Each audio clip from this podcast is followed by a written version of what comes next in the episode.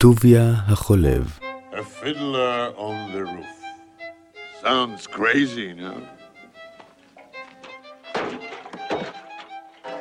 But here, in our little village of Anatevka, you might say every one of us is a fiddler on the roof. חדר זה מוקדש ליצירתו המפורסמת והמצליחה ביותר של שלום הלחם, טוביה החולב.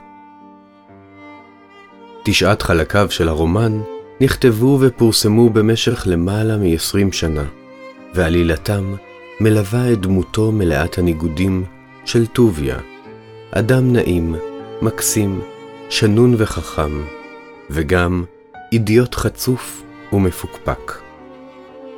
בעודו מנסה לדאוג למשפחתו ולחתן את בנותיו, כאשר ברקע העולם כולו מערער את השקט של העיירה. ביד אמן מעולה, שלום הלחם מצליח לשזור צחוק בבכי, הערכה לעבר ההולך ונעלם, עם כמיהה לעתיד שנותר לוט בערפל, ומהפכות רוסיות עם הבטחות אמריקאיות. הספר היה להצלחה גדולה, תורגם לעשרות שפות, ונחשב עד היום לאחת מפסגות היצירה היידית. אך בזאת לא הסתיים מסעו בעולמנו. בראשית שנות ה-60, המפיק הרולד פרינס החליט להפוך את הרומן למחזמר. הוא חיבר בין יוזף סטיין, שעיבד את הרומן למחזה, ג'רי בק, שהלחין את המוזיקה, ושלדון הרניק, שכתב את השירים. התוצאה הייתה לא פחות מההצלחה הגדולה ביותר בתולדות ברודוויי. עם למעלה משלושת אלפים הופעות, היה זה המופע הארוך ביותר בתולדות התיאטרון, וזכה בתשעה פרסי טוני. ב-1971 המחזה עובד לסרט הוליוודי מצליח, אשר זכה בשלושה פרסי אוסקר, והפך את דמותו של החלבן היהודי לדמות מוכרת בכל בית בארצות הברית ומחוצה לה. אנטולי קפלן ערך מספר סדרות הדפסים בעקבות היצירה הזו.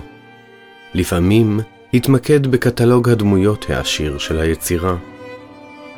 בסדרת פורטרטים קסומים המצליחים ללכוד את מגוון הדמויות ואת ההומור הרב והאהבה האנושית בהן הן מתוארות.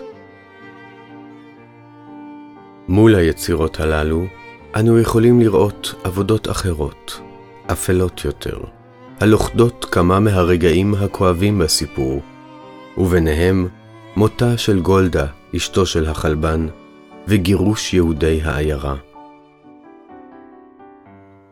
בעודנו ניצבים במרכז החדר, לא ניתן שלא לחוש בין הפער הזה שבין הקלילות העליזה של הדמויות מכאן והכדרות של הסצנות המתוארות מכאן.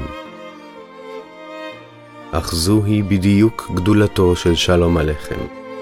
יישוב הקיצונים הללו, גדולה שלא חמקה מעינו של קפלן האומן.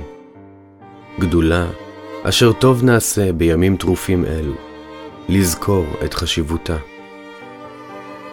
You may ask, how did this tradition get started? I'll tell you. I don't know. But it's a tradition. And because of our traditions, every one of us knows who he is and what God expects him to do.